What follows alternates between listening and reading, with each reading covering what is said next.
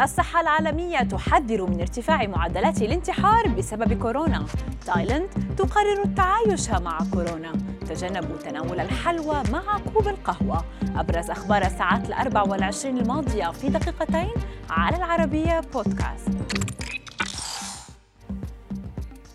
حذرت منظمة الصحة العالمية من ارتفاع معدلات الانتحار بين المصابين بمرض كوفيد 19 وأعلنت أن أكثر من 700 ألف شخص انتحروا في العالم خلال عام 2019 مشيرة إلى أن هذا العدد مرتفع للغاية. فجائحة كورونا زادت كثير عوامل خطر الإقدام على الانتحار مثل فقدان الوظائف والأزمات المالية والعزلة. وأضافت المنظمة أنه بوسع الدول المساعدة في خفض عدد حالات الانتحار من خلال تدريب الشباب على مواجهة الأزمات الاجتماعية والنفسية. عادت تايلاند لتشهد ارتفاعا كبيرا في عدد الإصابات على مدى الشهور الماضية. ومع زيادة الضرر الاقتصاد بسبب عمليات الإغلاق المستمرة قررت الحكومة الآن التخلي عن فكرة بلد خال من العدوى. وتبني رسالة جديدة هي تعلم التعايش مع الفيروس على المدى الطويل.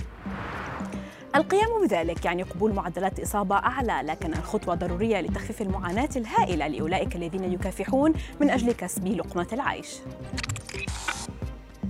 يمكن أن يكون للبقع البيضاء التي تظهر على الأظافر مجموعة متنوعة من الأسباب من بينها نقص الفيتامينات لكنها قد تكون أيضا مؤشرا على بعض الأمراض الخطيرة مثل أمراض المناعة الذاتية وأمراض القلب أو الفشل الكلوي. فإذا كنت تعاني فقط من البقع البيضاء دون أعراض أخرى ينصح الأطباء بمراقبة المشكلة.